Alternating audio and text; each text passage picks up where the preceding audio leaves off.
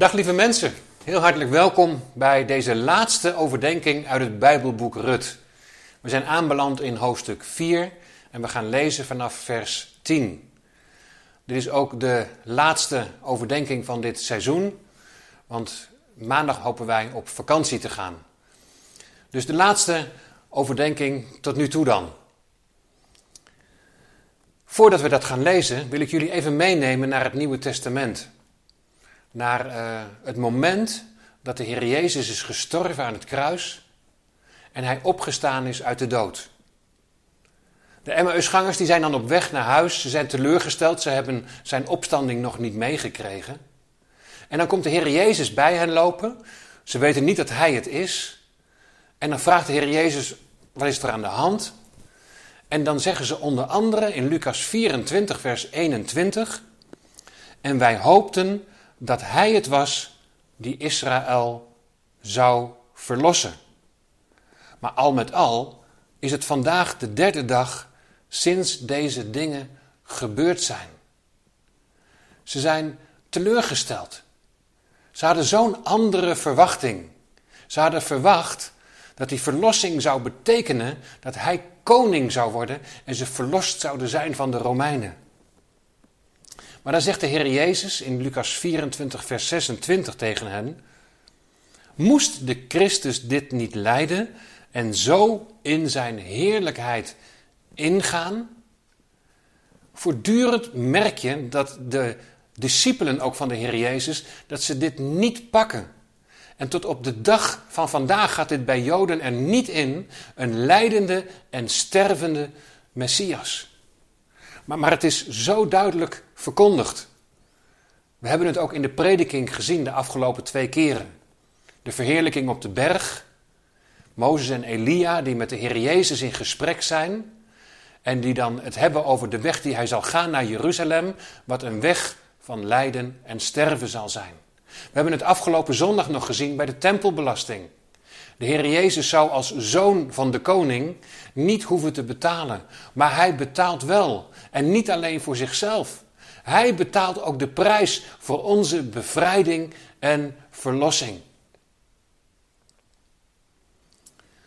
En dan lezen we verder in Lucas 24 en dan staat er in vers 27: En hij, de Heer Jezus, die begon bij Mozes en al de profeten en legde hun uit wat in al de schriften over hem geschreven was. Dan zou je daar niet bij geweest willen zijn. Nou, ik wel. Met de Heer Jezus op weg, uit zijn eigen mond direct horen wat hij te zeggen heeft over die tenag, over het Oude Testament, over al de schriften, om daarin te laten zien wat op hem betrekking heeft en waarin ook iedere keer weer duidelijk wordt van door lijden en sterven de weg naar verheerlijking. Zou hij het ook gehad hebben over het Bijbelboek Rut? Zou hij het gehad hebben over, over Boas? Boas waarin we gezien hebben dat hij zo duidelijk een type, een voorafbeelding is van de Heer Jezus. We hebben het onder andere gezien hè, in zijn naam. In hem is kracht. En daarin zien we een heenwijzing naar de Heer Jezus. Want in de Heer Jezus is kracht. De kracht tot genezing. De kracht tot redding. De kracht tot opstanding. Namen hebben een betekenis. Nou, ik heb eens even gekeken naar de betekenis van mijn eigen naam. Ik had me daar eigenlijk nog nooit eerder in verdiept. Maar ik heb het even opgezocht. En ja, ik ben er eigenlijk best wel van onder de indruk geraakt. Want Bert, mijn naam, betekent namelijk glorieuze, lerende, stralend en glanzend. En toen dacht ik van dit zijn allemaal aspecten die heenwijzen naar de Messias, die heenwijzen naar de Heer Jezus. Want Hij is de glorieuze, de overwinnaar over zonde en dood. Hij is degene die leert. Hij is de meester die zijn discipelen leert en onderwijst. Stralend en glanzend. Nou, denk maar aan de berg van de verheerlijking. Of zoals die in het begin van openbaring wordt beschreven. Stralend en glanzend. En toen ik het daarna op mezelf ging betrekken, toen dacht ik, ja, de glorieuze. In Hem ben ik meer dan overwinnaar. In Hem die mij heeft liefgehad.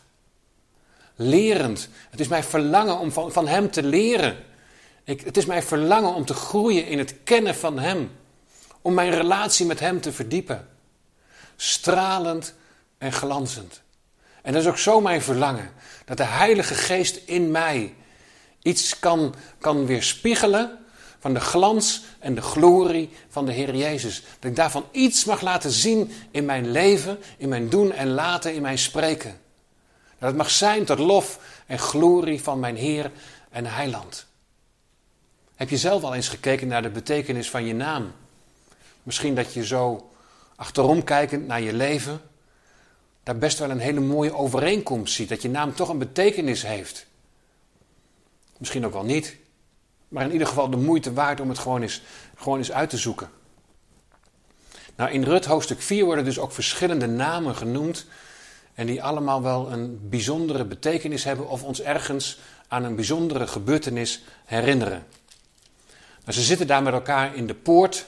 We hebben eigenlijk de vorige keer ook uh, vers 10 al gelezen.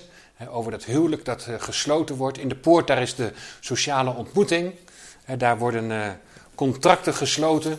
Daar speelt het sociale leven zich af. Daar hoor je de laatste nieuwtjes. En daar wordt recht gesproken. De oudsten die besturen daar de stad. Dus een hele belangrijke plek. En dan staat er in vers 10 dat, dat Boas daar Rut voor zichzelf neemt. Letterlijk staat er zelfs koopt. Nou, dat kunnen wij ons natuurlijk helemaal niet voorstellen in de tijd waarin wij nu leven. Maar zo was dat gebruikelijk. De man nam. Dus man die sloot het huwelijksverbond en de vrouw die zei ja. Zo zie je dat ook in vers 13. Zo nam Boas Rut. Hij nam Rut tot vrouw. Dus ze gaan trouwen. Ze worden man en vrouw. En dan staat er in vers 11: En heel het volk dat in de poort was en de oudsten zeiden: Wij zijn getuigen. Dus er zijn getuigen bij dat huwelijk. Dat dat huwelijk gesloten zal gaan worden. En dan volgt er een drievoudige zegen. Ten eerste, mogen de heren deze vrouw die in uw huis komt, maken als Rachel en Lea, die beiden het huis van Israël gebouwd hebben. Dus het, de zegenwens is hier dat deze vrouw, dus Rut, de vrouw van Boas, gemaakt zal worden als Rachel en Lea, die beiden het huis van Israël gebouwd hebben. Het zijn de twee aartsmoeders die twaalf zonen hebben gebaard, die staan voor de twaalf stammen van Israël. Zo hebben zij het huis gebouwd. Nou, bij Rut is het ook in vervulling gegaan. Want als je het vervolg van de geslachtslijn ziet, Obed die geboren wordt en dan Isaïe en dan David. En uiteindelijk wordt daaruit de Messias geboren. En zo wordt het huis van Israël gebouwd, want hij is gekomen voor de schapen van het huis van Israël, de Messias. Het tweede deel van de zegen is: Doe krachtige daden in Efrata en maak uw naam beroemd in Bethlehem. Dat betekent dat van je naam een goede reputatie zal uitgaan. Ook daarin zien we een geweldige vervulling. Doe krachtige daden in Efrata. De krachtigste daad ooit die daar verricht is, is dat daar de Messias, de Heer Jezus, is geboren.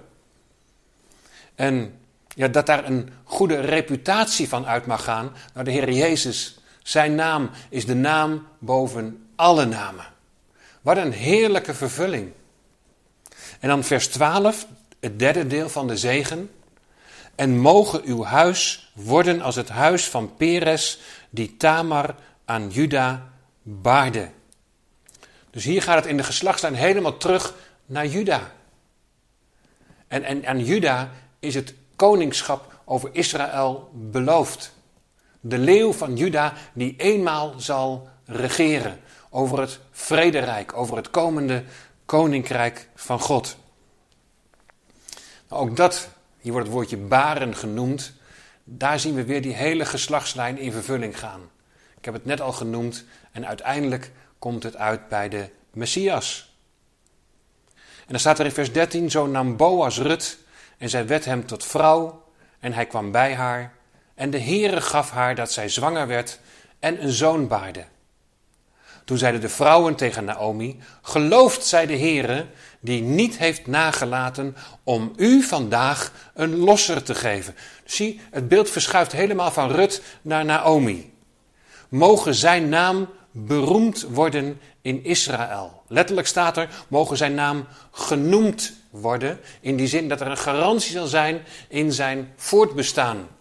Nou, ook die garantie zien we weer in vervulling gaan. Dat het uiteindelijk ja, uitloopt in de geboorte van de Messias.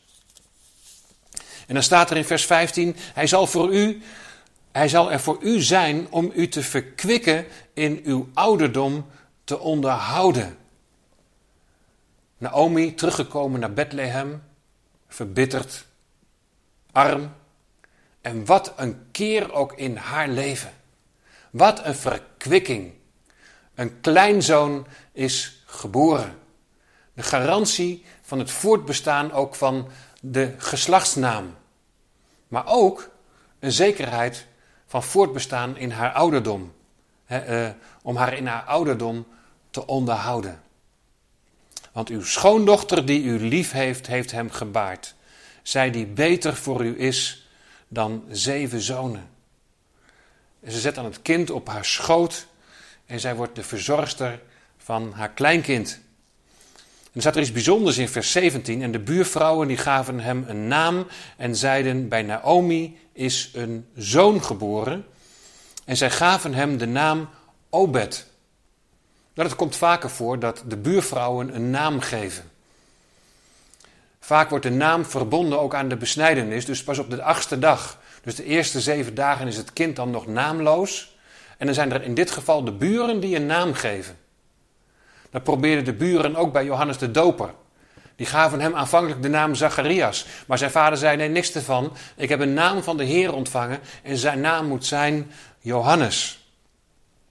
Maar hij krijgt dus de naam Obed. Nou, dan zie je een hele geslachtslijn, die wordt dan daar genoemd. En die wil ik graag nog even, naar aanleiding van het laatste vers, met jullie behandelen. Dat is vers 22. Daar staat namelijk: Obed verwekte Isaï en Isaï verwekte David. Dat er is iets bijzonders in de betekenis van deze namen. Obed, dat betekent namelijk uh, dienen.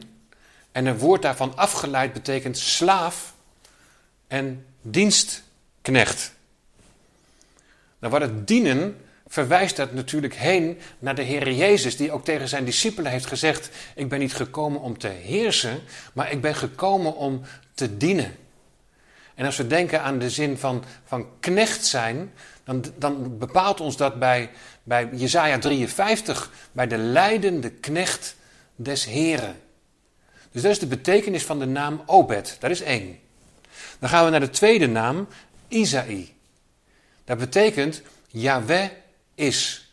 De God van Israël, die is en die zal zijn. Dus dat is de tweede. En dan de derde, David, betekent geliefde. Nou, als je dit nou eens even op een rijtje zet, dan kun je het allemaal zo heen wijzen naar de Messias. De Messias die gekomen is om te dienen. Hij die gekomen is als de leidende knecht des Heren, die gekomen is om zijn leven te geven, als een lam ter slachting geleid. Hij die de naam van de Vader, de naam van Yahweh bekend maakt, de God van Israël, de God die is en zal zijn. Wie mij gezien heeft, zegt de Heer Jezus, die heeft de Vader gezien. Hij toont de Vader. En dan de derde, David is geliefde. En wat heeft, de Heer, wat heeft de Heere God gezegd over zijn zoon? Dit is mijn geliefde, mijn zoon, in wie ik mijn welbehagen heb.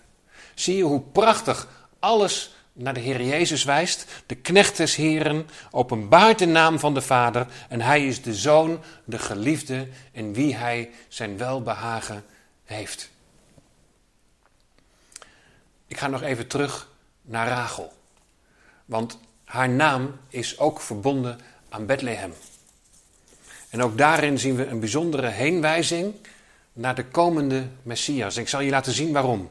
In Genesis 35, vers 16 tot en met 20, daar lees je over Jacob, die van Haran onderweg is terug en die dan naar het zuiden van Canaan gaat. En dan bij Efrat, dat is de oude naam voor Bethlehem, daar bevalt Rachel. En tijdens die bevalling overlijdt zij. Maar de zoon die, die geboren wordt, die geeft zij de naam Ben-Oni. En dat betekent zoon van mijn smart en droefheid. Later wordt hem de naam gegeven Benjamin. En Benjamin betekent zoon van de rechterhand. Zie je hoe bijzonder? Eerst zoon van smart en droefheid en dan zoon van de rechterhand. Ook hierin zie je weer diezelfde lijn. Van smart en droefheid, van lijden en sterven, naar de zoon aan de rechterhand. De zoon die verheerlijkt is. Hij is verheerlijkt als koning, verheven zo hoog. Hij kwam als dienstknecht. Hij kwam om ons te dienen. En hij heeft zijn leven afgelegd. En door lijden en sterven heen is hij verheerlijkt. Jullie kennen vast het prachtige lied uit Opwekking. Opwekking 268, die gaan we zo ook met elkaar zingen tot slot. Hij kwam bij ons, heel gewoon, de zoon van God als mensenzoon. Hij diende ons als een knecht en hij heeft zijn leven afgelegd. Zie onze God, de koning, knecht, Obed. Hij heeft zijn leven afgelegd. Zijn voorbeeld roept om te dienen iedere dag, gedragen door zijn liefde en kracht. In de tuin van de pijn verkoos hij als een lam te zijn. Verscheurd door angst en verdriet, maar toch zei hij: Uw wil geschiet. Zie je de wonden zo diep? De hand die aard en hemel schiep, vergaf de hand die hem sloeg. De man die onze zonden droeg. En dan het laatste couplet. En ik hoop dat dit jullie aller verlangen is. Het is in ieder geval mijn verlangen wel. Wij willen worden als Hij. En elkanders lasten dragen wij. Wie is er nederig en klein? Die zal bij ons de grootste zijn. Ik wens jullie ook een hele fijne en een gezegende vakantieperiode toe. En we zien er naar uit om uh, elkaar weer te ontmoeten. We zijn met elkaar onderweg en met elkaar weg onderweg om te leren van onze Heer Jezus met het verlangen om te veranderen naar zijn beeld. Wij willen worden als Hij en elkanders lasten dragen wij. God zegen en tot gauw.